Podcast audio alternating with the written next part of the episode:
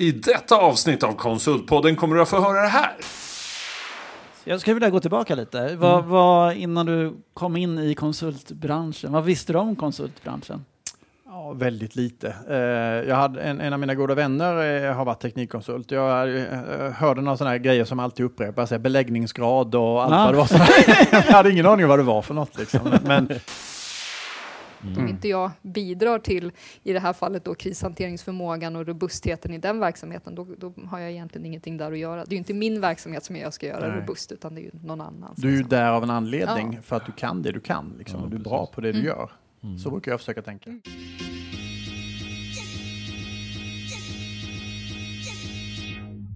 Konsultpodden med Håkan och Mattias från Berotech och Sinode.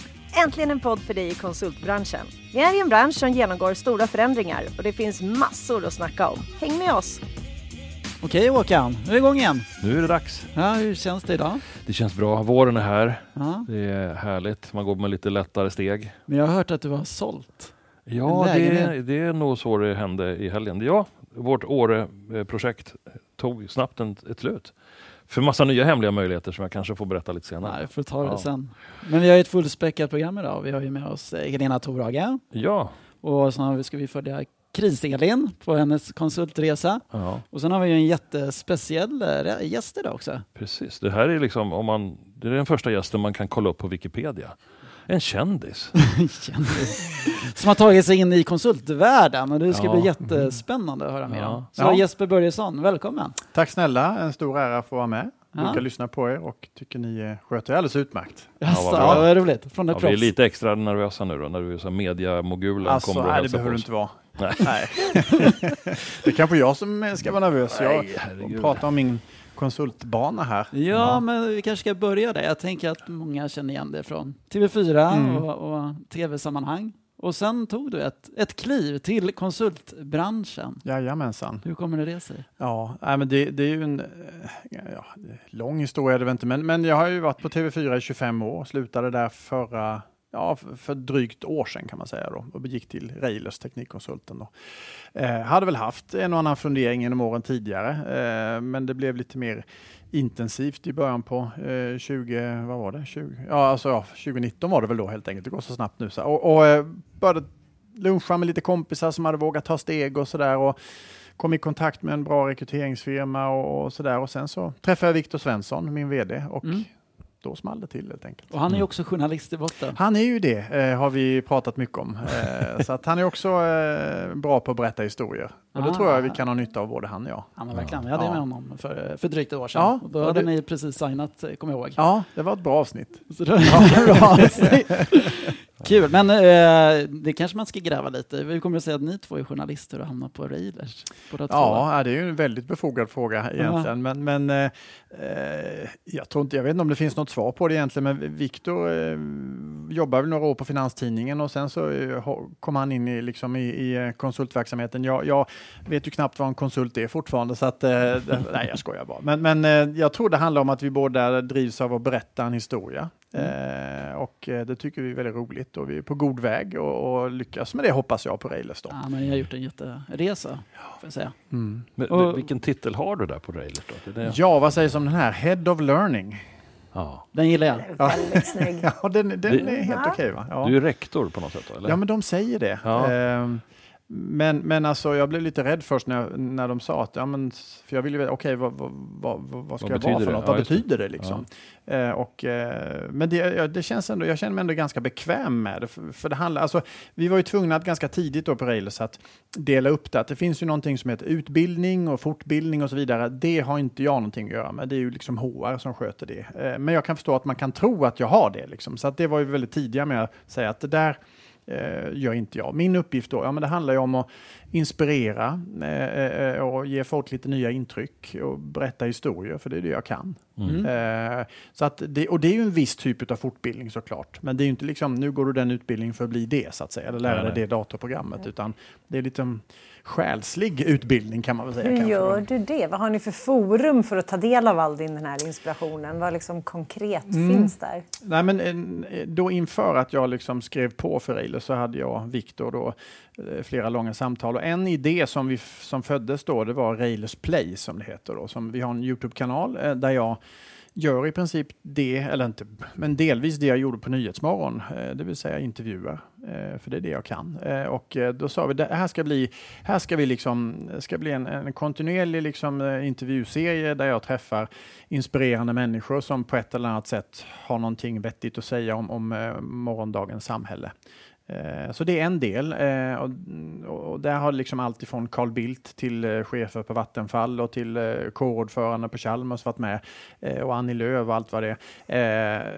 Och sen har vi också då Learning Breakfast som vi kallar det då, som är en sändning har det blivit då på något sätt, där jag eh, träffar, ja, där, där, där folk, alltså där Railers-anställda får träffa antingen, vi finns ju i, i hela Norden eh, och Abu Dhabi finns vi också. Och så finns vi i Sverige såklart. Och där eh, får man vara med. En, en del eh, sådana här Learning Breakfast är bara för Sverige och en del är för hela bolaget. Eh, och då får man träffa antingen externa personer där eller eh, lyfter fram, vi har en ny ekonomichef som vi ska ha eh, nu på fredag. Ska vi lyfta upp och ska vi ha lite ekonomiskola med honom. Det är också en form av learning så att säga, inspiration. Och de flesta Railers anställda brukar vara med på de här. Ja, det är det ju. Sen om de inte är ute på något viktigt uppdrag. Men, men eh, de, de där fredagarna är ganska heliga. Och sen så eh, de här intervjuerna jag gör, de, de skickar vi ut så att säga. Så de får man ju ta del av när man känner att man kan. Och de ligger externt för alla andra också. De ligger, det är ju en Youtube-kanal men vi heter Railers Play. Så dels skickar vi ut dem internt och sen så finns de externt också. Häftig trend då. Teknikkonsultbolagen blir lite mediahus. Jag- Ja. jag gillar det där. Ni har steppat upp. Men, men det jag tycker också är viktigt, en viktig del för mig då, det är ju liksom att bygga upp någon slags stolthet också.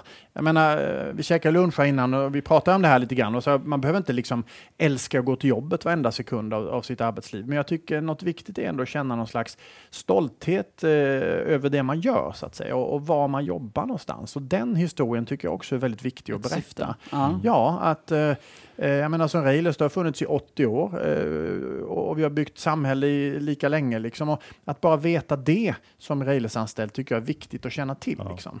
Det är som Ikea, Ingvar Kamp har jag träffat många gånger och, och han lyckades ju bygga, nu är det ett mycket större företag på alla vis, liksom, men han lyckades bygga upp en stolthet från Eh, de som jobbar i bollhavet till de som eh, köper in eh, virke till sofforna till vad ni vill. Liksom. Ja, visst. Det är viktigt tror jag att känna en, en tillhörighet och liksom vara en del av en historia. Mm. Mär- Märker ni skillnad sen du började göra det här eh, jobbet? Att, att folk kan mer om Railers? Att det finns liksom en eh, större förståelse för Det, om vi pratar internt så, så märker jag en skillnad. Eh, Jag gjorde en intervju med Lisa Gunnarsson som jag tycker är väldigt vettig, som är Nordenchef för LinkedIn, som sa om man ska bygga den här typen av stolthet så menar hon att då måste man liksom börja med cheferna, de måste börja liksom dela alltså vad vi gör, alltifrån pressmeddelanden till om något har hänt eller vad det kan vara. Börjar man göra det där och sprida stolthet, då börjar de i andra organisationen också göra det. Och det tycker jag märks tydligt på Railers nu, att det finns en helt annan liksom ex- extern, alltså vi, vi, vi, vi, vi är mer ett skyltfönster än vad vi var tidigare. Det är fler som inte skrev och delade och visade var de jobbar någonstans nu än vad det var, i alla fall när jag började. Sen vet, vet inte jag, liksom, kan ju inte, det är ju svårt att mäta de här grejerna också, det är men det är väldigt tydligt tycker jag i alla fall. Vilken timing ni hade då. Nu har vi pratat corona som alla Mm. gör när man träffar någon ny, men alltså att den här mediekanalen dök upp ungefär samtidigt gjorde att liksom, formatet måste ha varit ganska eh, ätet lättplockat genom att man kanske inte längre sågs på konferensresor Nej. och du stod och mi- missionerade och vevade med armarna på Ja. något konferensställe utan det var, det var naturligt Ja, men det filmen. blev bra, men först blev jag såklart rädd. Det, Mm. det är så här, dels att jag bytte bransch och sen kom coronan och tänkte man shit vad händer nu liksom. Men jag tror att på något sätt har coronan hjälpt mig och hjälpt Railers att ta den här digitala resan, Ja. eh, det här digitala steget mycket snabbare än vad vi, vad vi hade gjort annars. Digitala möten hade vi varit tvungna att göra såklart, men just det där att göra, vi har förbättrat sändningarna. För det, jag vet inte om ni märker det, men jag tror på alla de här digitala möten man har varit på. Visst var det kul med lite ballonger i bakgrunden innan och sådär. Sen tycker man att ja, det är väl så här halvkul liksom. Jag tror att vi som deltar i mötena ställer också högre krav på kvaliteten på mötena. Man kanske vill ha eh, inslag, man kanske vill ha eh, fler som är med, vad ni vill. Liksom. Ja, Den grejen har ju alla tvingats bli bättre på. Eh, Och där tror jag att jag kunnat hjälpa till och bidra. Liksom. Och, och sen Rails Play fick ju såklart då en extra skjuts i och med corona. Så att eh, jag tror på något sätt att jag kanske, jag ska inte säga det låter ju cyniskt, har blivit hjälpt av det som har hänt, men jag tror att jag kom snabbare, det blev liksom en tryckkokare på Mm. något sätt. Det blev, vi var tvungna att utveckla oss snabbare än vad det kanske hade blivit annars. Mm. Häftigt. Jag skulle vilja gå tillbaka lite. Vad, Mm. vad, innan du kom in i konsultbranschen, vad visste du om konsultbranschen? Ja, väldigt lite. Eh, jag hade en, en av mina goda vänner eh, har varit teknikkonsult. Jag eh, hörde några sådana här grejer som alltid upprepas, beläggningsgrad och allt Ah. vad det var. sådär. jag hade ingen aning om vad det var för något. Liksom. Men, men jag hörde Det några sådana viktigt. Det, är Ja, viktigt. det precis. trycker Viktor på. Ja, precis.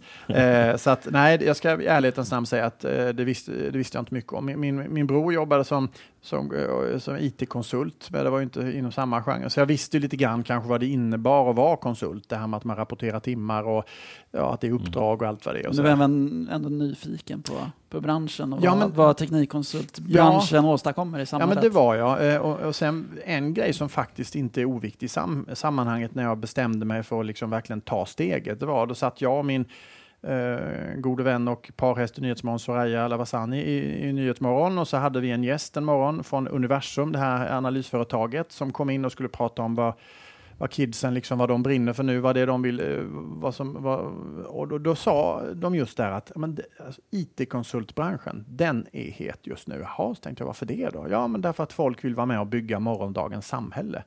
Och det tyckte jag lät så det var en sån här ringklocka för mig. Jag Mm. tyckte det vill jag också vara med på den Ja. resan. Så det var faktiskt en, en eh, i Nyhetsmorgon så var det en, en viktig pusselbit som, som lades i direktsändning. Ja. Så. Ja. Så det var faktiskt, ehm, och det tycker jag fortfarande är otroligt spännande. Och återigen, liksom, eh, jag menar, nu hoppas vi att vi lär oss att bli lite klokare av coronan, men jag tänker liksom miljötänk och vi ska ställa om, det ska bli fossilfri energi, vi ska ha laddinfrastruktur, vi ska byta ut elledningar, you name it. Det finns ju hur mycket coolt som helst att vara en del av. Mm. Också det här med stolthet igen Ja, ja. faktiskt. Ja, Och vi men behöver fler konsulter i branschen. Jag ha- hade en gammal farfar som var sån här, han snickrade eh, träformar när man gjuter, gjuter betong. Och varje gång vi åkte på, jag träffade inte honom så jättemånga gånger, men någon gång, då åkte på Essingeleden och sa han, jag har varit med och byggt det här. Ja, coolt. Han var så galet stolt över att Ja. han har gjort formen till den där stolpen som vi åker bil på nu. Då. Så Ja. det, det finns något fint i det. Ja. Jag, jag vet, min, min pappa han, han eh, växte upp i Ystad och innan han liksom visste vad han ville göra riktigt så jobbade han i skogen. Och sen så, eh, så, så det finns ju fantastiskt fina vackra vita stränder nere i Ystad. Jag vet inte om ni har varit där. Men då sticker det ut sådana här jättelånga bryggor ut rakt ut i havet som är så här 200 meter långa eller något. Och det sa pappa att ja, men jag har huggt jag har huggt, jag har huggt eh, Ja, det är bra. virke till de här. Och det, det, jag, sitter allt, jag vet inte hur många jag, gånger jag och min bror vi frågade pappa om det. Liksom. Så det, härligt. sådana här sitter ju Ja, kvar. Ja, Liksom. visst gör det. Ja, det, Det det lyser så i ögonen konkret. Liksom. På dig när du säger det också. Mm. Så det är något som är viktigt. Ja, man är del av något större, Mm. tänker jag.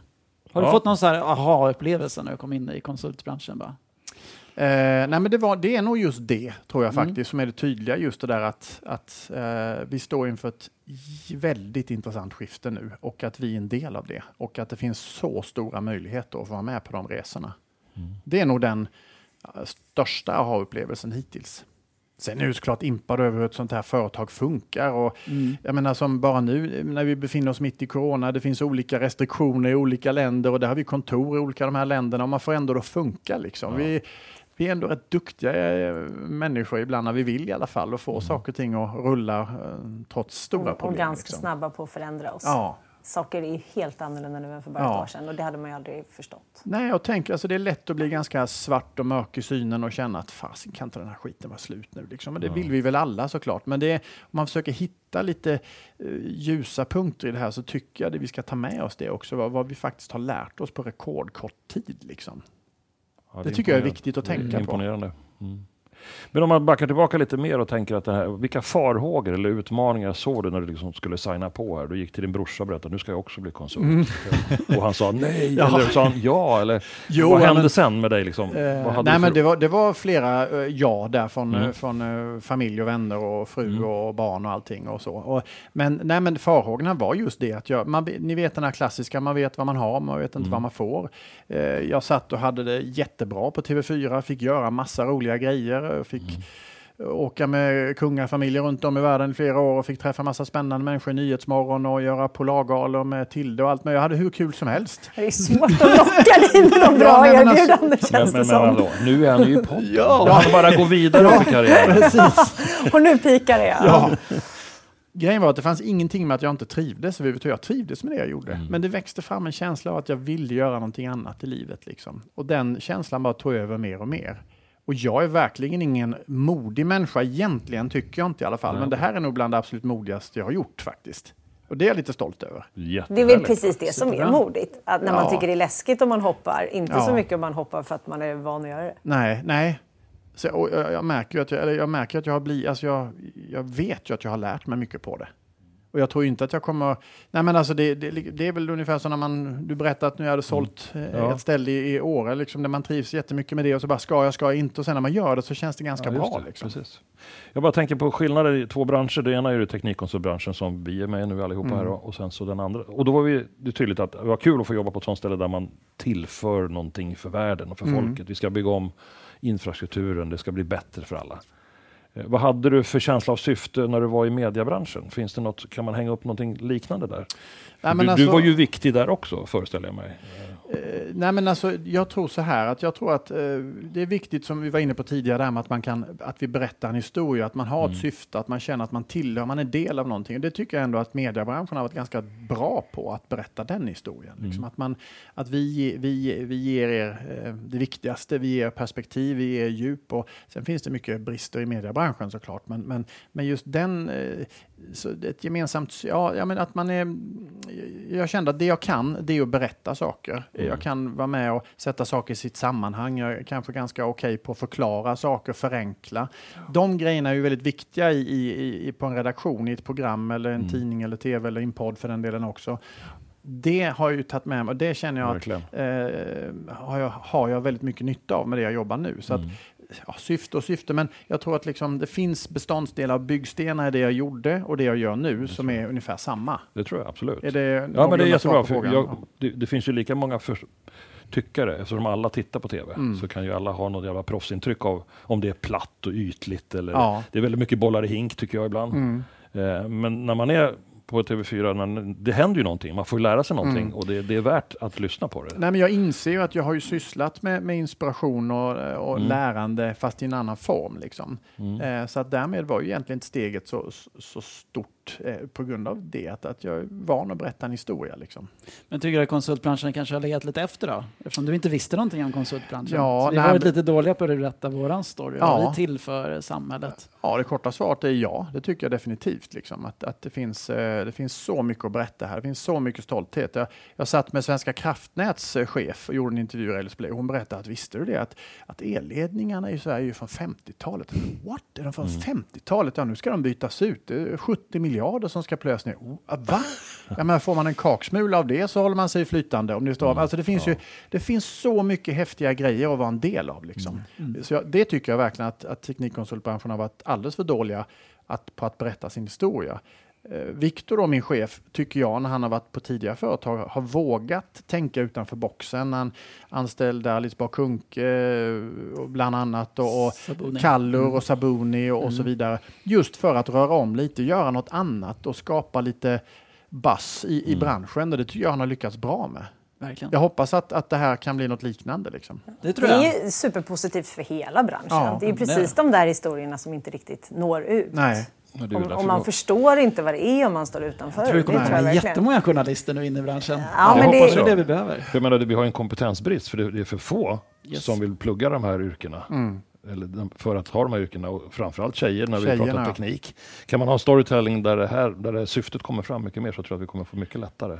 Ja, det tror jag är en väldigt bra poäng faktiskt. Ja. Och, och jag hörde, jag gjorde en intervju med Chalmers kodförande nu och han sa det att absolut, en av de absolut viktigaste liksom, kraven och liksom förväntningarna vi har på en arbetsgivare idag, det är ju att man tar jämställdhetsfrågorna på allvar. Att det inte är bara babbel och löjliga liksom, powerpoints-grejer med procentsatser och skit, utan det ska hända grejer. Ja, Och det tycker jag är ju skönt att höra, att, att man ställer de kraven. det är fantastiskt. Verkligen. Det är dags att steppa upp. Ja, men det tycker jag. Det gör vi gemensamt. Men det är bra inspiration. Ser du några utmaningar i din roll nu? Nu har det varit ett år drygt. Ja. Känns det som att eh, finns det någon Finns det något tydligt mål när du känner att nu, är, nu funkar det? Eller? Nej, men det, det var ju bara, jag- bara för att börja i en farhåga. Mm. Eh, Det var var väl det att, eh, okej, hur mäter man att jag har lyckats med det här jobbet? Hur gör Ja. man liksom? Och det är ju sådär, ja, det finns inget enkelt facit. Visst, vi, det är klart, vi, vi, vi kan ju titta på hur många tittar på det vi gör och vi har sådana här mätinstrument som heter Winning Temp där man fyller Mm. i frågor varje, där anställda fyller i frågor varje vecka eller svarar på frågor. Där har, får man indikationer. Eh, och sen den här känslan att man ser att fler delar och fler så. Men det är väl att, att Railers ska bli ännu mer känt. Vi var ett ganska okänt företag skulle jag vilja säga. eh, Som har, har hänt mycket på några år här nu. Eh, har en vision, Home of the Learning Minds, att den slår igenom. Eh, och att eh, fler ska upptäcka Railers Play och sådär. Så det är klart att det finns mål. Men det är inte så att jag har satt upp 25 november i år Nej, så nej. ska vi ha si och så många tittare. Men lite så vill man ju ändå att det ska Men inspireras andra internt att våga använda liksom video mer? Internkommunicerar ni mer liksom genom filmat eh, Det skulle jag material? definitivt vilja säga. Sen eh, hur mycket av det som, som är på grund av mig, det vet jag inte, men det är säkert lite grann i alla fall. Men det ser jag nu olika divisioner vi har som, som spelar in saker och som, som vill ha möten och som hör av sig till oss. Kan ni hjälpa oss med det? Eller att man gör egna grejer. Så att definitivt. Och det har ju också, jag ska inte bli långrandig, men ni pratar om om ni tycker att eh, teknikkonsultbranschen har varit dålig på att sälja in sig. Ja, det är många där som inte heller har velat, liksom, velat vara med, velat göra grejer. Nej. Och det kanske man gör för att man inte vill, man har tagit ställning. Det kanske också beror på att man inte vågar, man vet inte riktigt var det ska sluta. Eh, där tror jag att, där tycker jag man ser tydligt liksom, att folk vågar. Ja, Med. för motståndet mot video är ju jättehögt. Ja. Jag vet ju folk som säljer videotjänster där största problemet inte är att sälja in dem utan är att folk Ja. ska våga använda dem och sådär. Men, men eh, om man har dig som inspiration då så måste det göra jättestor skillnad. Och om ni har utrustningen och gör det Ja, liksom men vi har ju enkelt. två jättebra studios och, vi har, och sen har jag satt upp lite punkter. Jag menar, ni har själv förmodligen suttit i sådana här Teamsmöten när en del inte ens har, har kameran på. Har de det så tittar de någon annanstans. Eller det är en halv meter luft ovanför huvudet och de sitter i motljus. Man man hör, näsborrarna. ja, man hör knappt vad de säger. Det blir väl ingen bra förutsättning för ett bra möte. Liksom. Man kan ju ta ner det på den nivån också att vi kan väl hjälpa varandra så att det blir en bra upplevelse. Då tror jag mötet blir bättre också. Ja, men precis. Så där är det även med liksom event och lite större Ja. mötena. De behöver ju vara ännu mer väl förberedda än vad ett fysiskt event kanske behöver vara. Och det har man ju nog lärt sig nu Mm. Ja. precis under året, att studion behöver vara schysst och det ska liksom funka och vara lite Ja. liksom, på... Och, och våga, satsat. våga kliv bort ifrån PowerPoint-träsket, säger jag bara. Liksom. Less is more. Ha två skyltar istället för 102 skyltar med kurvor och procentsatser och allting. Liksom. Det är så lätt att gömma sig bakom de där och tycka att ja, men det här blir, nej, det blir väldigt, väldigt sällan en bättre upplevelse för de som ska lyssna. Jag skulle nästan säga i åtta fall av tio tvärtom. Ja, men på, ja, precis. på skärm syns ju inte den som pratar heller i de vanliga verktygen om man har en PowerPoint. Så det dödar ju lite av kontakten. Bra tips. För det var en av mina frågor, hur ska vi få andra konsultbolag att lyckas bättre med sin storytelling och sitt lärande? Så handlar det om de här ganska enkla, Ja. självklara svaren du ställer lite grann om att less is more, Ja. pratar från hjärtat. Ja, börja med. Teamsmöten. Hur kan vi förbättra dem? Ja, hur, kan vi, hur kan vi sen ta steget och förbättra eh, storytellingen vad vi gör på det här företaget? Mm. Man behöver inte ha en miljonstudio för det. Det finns Nej. rätt mycket enkel och billig teknik idag. Liksom. Ja. Bara det att man sitter och poddar idag, det gjorde vi inte för tio år sedan. Eh, Det finns ju så, eh, jag vet när jag började på fyra när jag var nyhetsreporter, om vi skulle åka ut i landet eller utomlands. Det var som man var på rockturné. Man hade ju med sig såna här casear. Alltså det var så mycket eh, bandspelare och allt vad det var. Nu, nu är det en laptop och en liten kamera. Liksom. Det finns rätt mycket bra utrustning idag som, som många kan behärska Mm. med ganska enkla knep. Liksom. Fantastiskt. Och som en radioövergång då? Du är ju proffs på det här nu Ja. Jesper. Men i alla fall, nu är det dags för vårt orakel. All right, spännande. Mattias, som har eh, epitetet trendoraklet. Trendoraklet. Ja. Jag gjorde Vi alltid, längtar alltid ju lite efter- röd när du, när du Ja. säger sådär. Nej, men för er som inte har lyssnat någon gång så är Mattias är ju en sån som alla vill träffa. Han får ju vara med i alla ledningsgrupper. Alla konsultbolag vill höra från honom, från hästens mun. Hur är det egentligen där ute? Jag vill ju träffa honom också. Ja, det är därför du är här, det är, eller hur? Nu har vi chansen. Nej, kul, kul. Ja. Trendspaning med Mattias. Ehm, ja, nej, men jag kör ju en del föreläsningar. Mm. Och det som är alltid intressant är ju förvärvstrenden. Jag vet ju Raiders förvärvar ju mycket. Men sen finns det, i den trenden så har det ju kommit väldigt mycket att eh, det har blivit allt mer invest, investmentbolag som investerar i konsultbranschen. Vi hade bara senast för några veckor sedan med Goldman Sachs gick in i Advania. Mm. Vi hade ju HiQ som blev uppköpta av Triton från börsen. Det har ju bildats nya bolag där liksom de här Altor eh, har köpt upp massor med bolag och bildat nya koncerner och så vidare. Så att, där har det verkligen hänt någonting och det kanske är att det har blivit lite bättre storytelling i, eh, konsultbranschen. Men jag tänker att investerarna har fått upp ögonen för, för branschen också. Mm. kan ju vara lite det här låga ränteläget, eh, högutdelare. Eh, men sen tror jag också som, som, som du är inne på, det finns ju så mycket att göra i branschen. Mm. Den här branschen går ju uppåt, uppåt. Vad, vad, ser ni någon farhåga att det kommer in investmentpengar, pengar i branschen? Eller ser vi bara positivt att det blir mer? Det är väl samma farhåga som alltid. Då styrs man ju på någon annans villkor och vilja. Eh, frågan är om det förändrar branschen mycket och i sånt fall om det går mot liksom högre debiteringsgrader och eh, högre... Som, eller, vad, eller vad det blir för effekt. Eller så är det andra. Jag, jag gissar att jag tänker som du där Helena, men det kan också vara så att om man får tillskott av kapital av ett härligt syfte, då kanske man kan unna sig att göra det som egentligen är det bästa. Yes. Alltså, Satsa på om, en om, man, om man kan få sådana, sådana finansiärer som förstår det där syftet på riktigt, att vi ska skapa en bättre, ett bättre samhälle för alla. Och de är beredda att pynta för det. Mm. Då blir det väl bättre. Än är de bara där för att så snabbt som möjligt skapa en kurva som går rakt upp som en hockeystick och sen sälja av. Då blir det inga bra broar byggda. Då är vi tillbaka på det tråkiga. Men jag vet inte. Nej, sen jag tror inte att det heller är fel. För om man, om man bara är ute efter att tjäna pengar i konsultbranschen så är det ändå det är människor vi pratar om. Det är människorna Mm. Ja, som är ja, produkten. Så att absolut. de försvinner ju ganska Ja. snabbt. Och så då gör man nog ingen bra investering. Nej. Så kan det vara. Ja, men jag, jag, jag tror det är bra att det kommer tillskott. Jag menar om, om, om sån, den branschen går in och satsar så, så har vi mer stories att prata om. Ja. Det finns fler som vill lyssna på det som vi jobbar med. Eh, och, och vi kanske kommer ifrån det där. Kan jobba mer med storytelling. Ja, nej, men jag tror det kan vara bra. Eller så är det så att det är slutsålt. Allt, det finns inget annat att köpa upp längre. Så nu går vi och skrapar upp det där sista och det var konsultbranschen. Lite så, ja, men lite så kan det vara. Just det finns inget annat. Eh, Ja, men räntorna är så låga. Så Ja, det, precis. det går inte att få Ja. avkastning på så många olika sätt. Då längre. vill man ju in fler. Då är vi tillbaka till att fler behöver bli kanske ingenjörer och IT-utbildade. Och Det behöver ju finnas någonting som får branschen att växa. Mm. Men vi vurmar ju för ingenjören och att det ska, och det, det är väl bra om det kommer mer människor som är engagerade i att den här affären ska bli ännu bättre. Mm. Det kan inte vara fel. Jag menar, det borde ju sprida sig ner till skolor, till ungdomar att kanske välja det här yrket för att det är lite mer hypat. Mm. Än de här bilden av den här nörden. Ja, men det tror jag, jag tror det är viktigt att, att eh, våra företag, att man liksom i tidigt läge, skede, går in och som företag och, och säljer in sig själv till studenter och så vidare. Så att man inte bara blir på sluttampen på något sätt, Nej, utan att man, man är med under hela vägen på något sätt. Mm. När ni förvärvar bolag, har, har, går du in något speciellt? Liksom- Det där håller jag mig utanför. Nej, du håller dig utanför. Ja, men jag precis. tänker om ni, ni ska få in kulturen och så vidare. Ja, men det, något- det, är ju en annan, Ja. det är en annan del när det väl blir. Vi har ju varit med jag och köpt företag nu och det är ju en stor del hur vi, hur vi eh, liksom berättar samma historia och så här gör vi och, liksom, och det är alltifrån att man ska kunna mejla alla till att man ska kunna få alla att börja lyssna på Railers Play eller vara med på, på eh, eller med företagskulturen. Det är ju Mm. digert och extremt viktigt arbete Mm. som tar tid också. Yes. Eh, och ibland så händer ju saker och ting rätt snabbt Mm. om man vill att det ska börja flyta och funka snabbt. Och, eh, det där måste man ta med i beräkningen. Mm.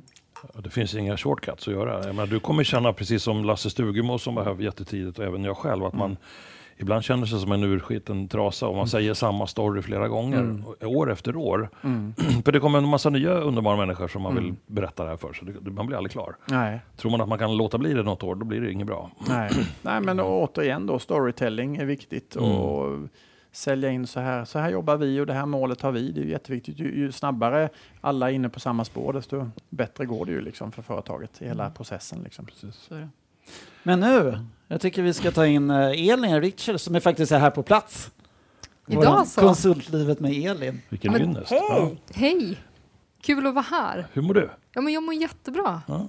Det är extra roligt att få vara på plats i de här tiderna och det känns lite, ja, lite särskilt sådär. Ja. Extra kul. Har du någon spaning i, i veckan? Vad har hänt i senaste veckan? Men jag har varit på min första digitala mässa. Mm. Och det har jag funderat mycket över. Det känns ju extra roligt att då få prata liksom, learning och pedagogik i den digitala miljön eh, med dig Jesper. Ja, vad kul. Ja. Ja, för det som jag upplever mest, som också håller mycket webbinar och utbildningar, är att ta liksom pedagogiken från när man pratar med gruppen och får inter- interaktion till att liksom skapa effekt även när man står helt själv. Ja. Ja. Ja. Så det, Hade du en föreläsarroll under mässan? Inte under den här mässan, eh, utan då har jag lyssnat på många andra webbinarier och då liksom reflekterar man över sin egen utbildningsinsats som man gör i andra sammanhang. Mm. Det är så här, Men var, det en, var det en positiv upplevelse främst eller tyckte du att det fanns mycket förbättringspotential? Både och, skulle jag vilja säga.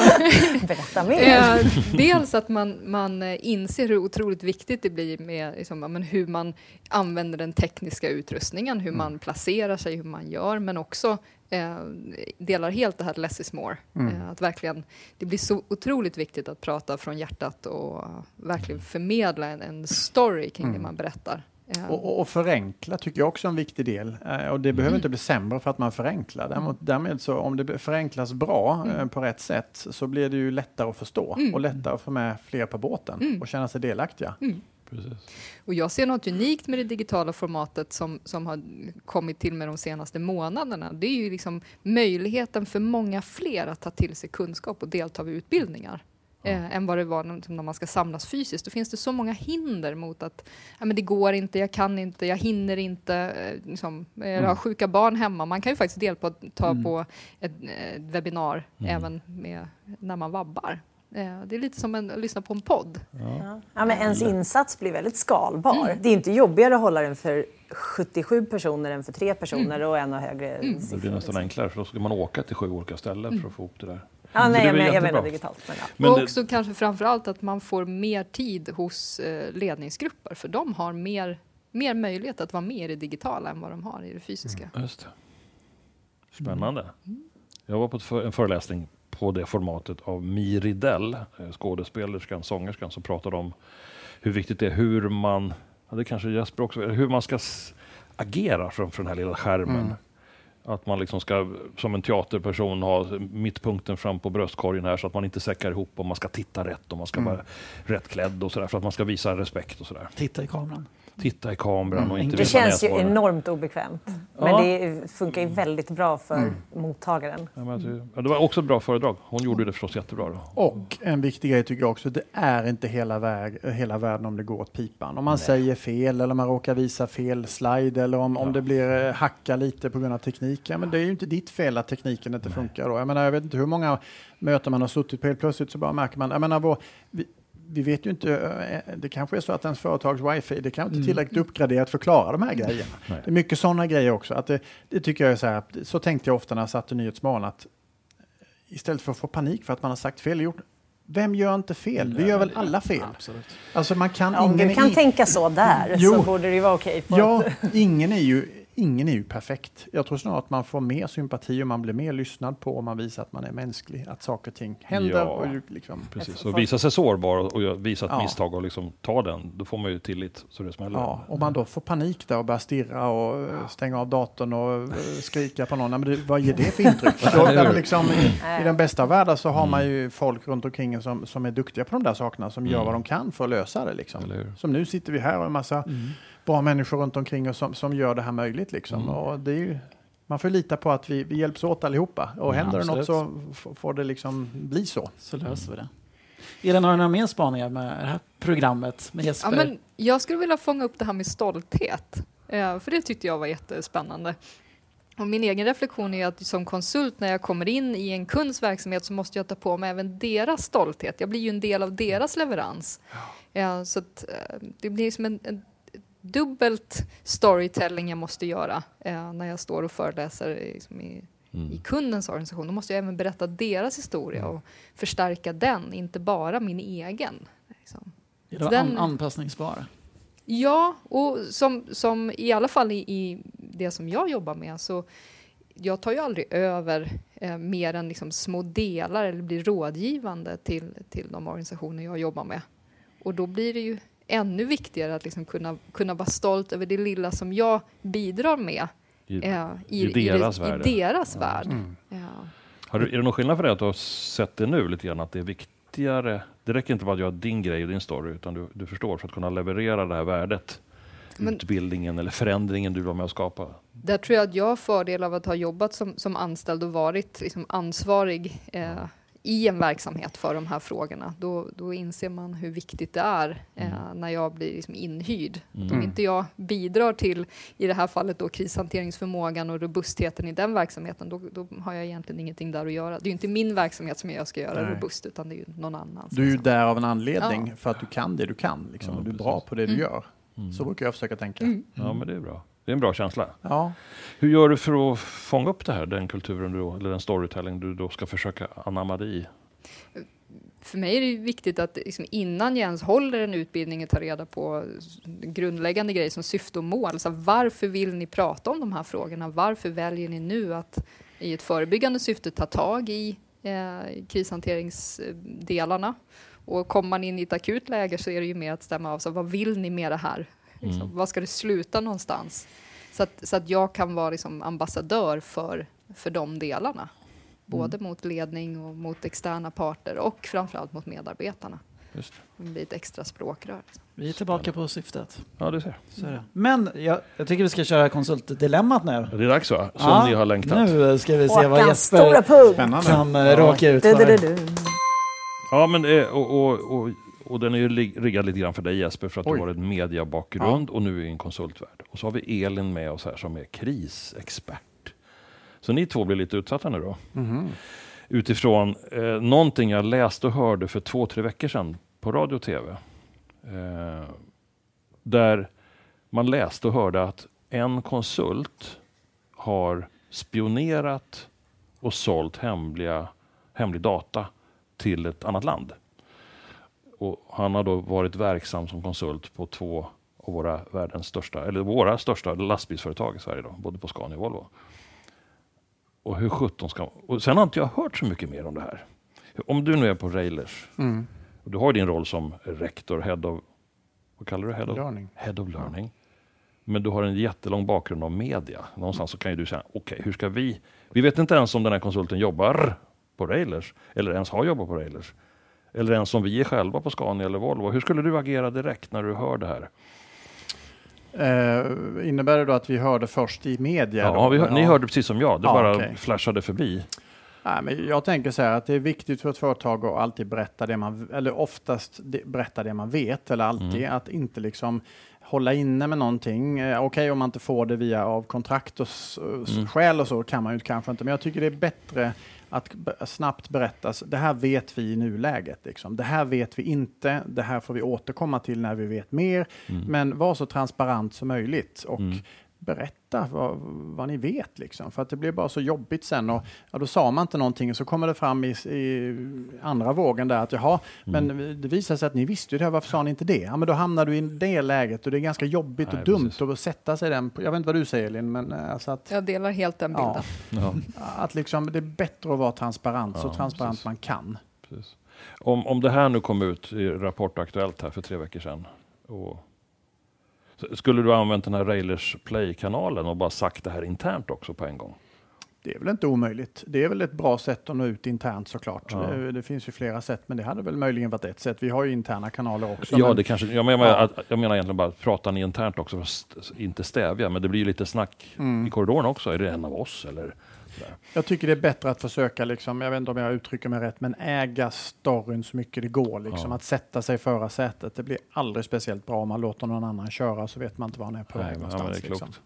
Känner du igen det där Elin? Eller? Mm. Ja, men det är samma råd som, som Mm. jag brukar ge. Liksom informera om det man vet, det man inte vet och framförallt påvisa handlingskraft. Vad gör vi nu? Mm. Eh, så att man får, får attention, kanske framför allt från medarbetarna, så man inte får någon intern ryktesspridning Nej. och att man Mm. börjar söka information någon annanstans. Som i värsta fall kan leda till att man misstror sin egen ledning och sitt Ja, egen företags Precis. hantering. Och vi Ja. lever ju i en medial värld nu där allting sprids så in i bomben snabbt. Eller liksom. hur? Eh, Och det är väldigt lätt att saker och ting hamnar eh, på, på Twitter eller på Facebook eller på Instagram eller på eh, vad allt det nu heter och Mm. rätt vad det är så snappar någon, någon större redaktion upp någonting och så är det en boll i spinn som man inte har någon kontroll på. Ja, Liksom. precis. inf- se till att informera personalen Mm. fort och snabbt och ordentligt. Liksom.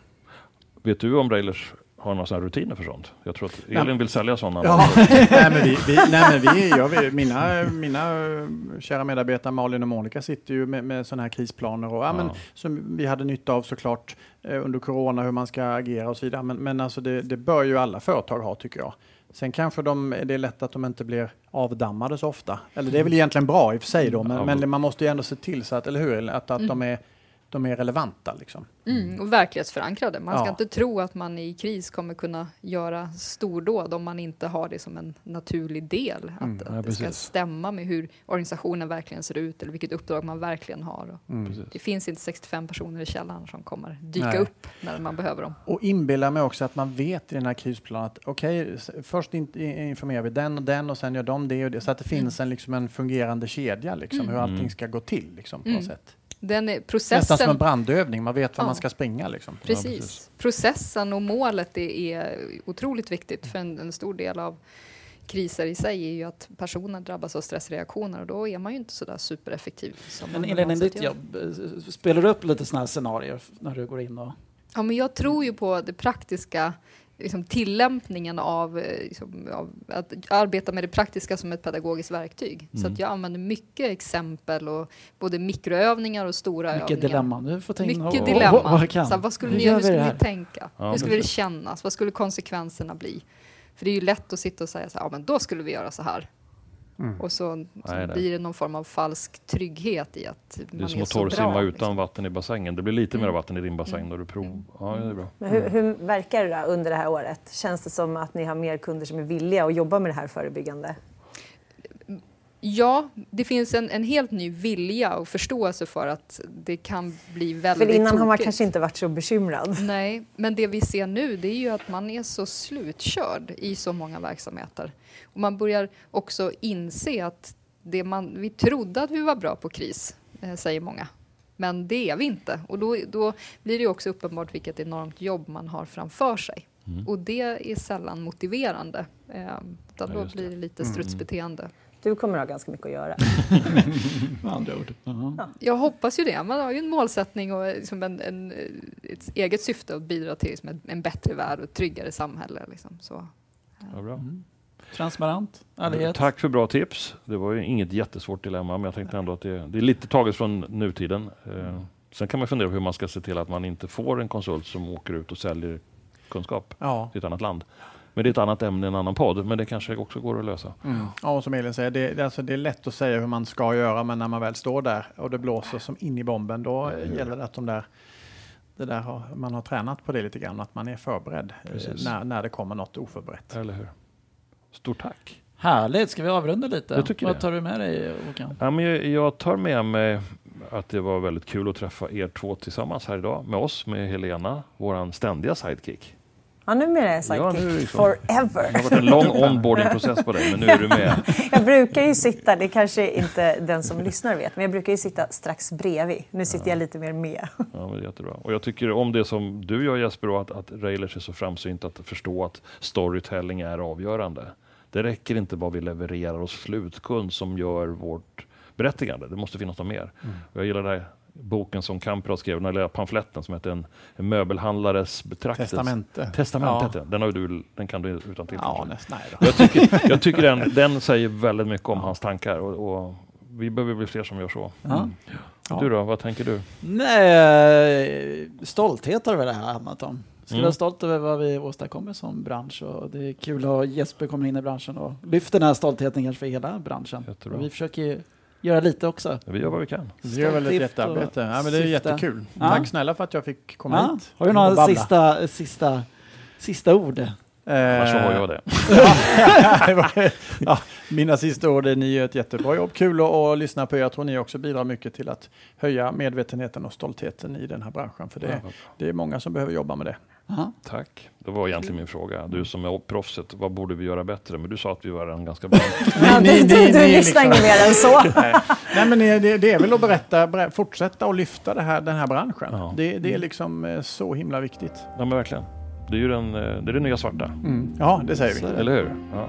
Stort tack för alla Stort ni var tack. med. Ja, tack hörni. Ja, Fantastiskt. Du har hört Konsultpodden avsnitt 48. Med oss som vanligt var Mattias Loxi från Synod, Håkan Mild Svensson och Helena Torhage från Berotech. Gästare idag gjorde Jesper Börjesson, Head of Learning på Railers och även Elin Richards från Practice Risk AB. Det är producerat på September Film och tack för att du har lyssnat.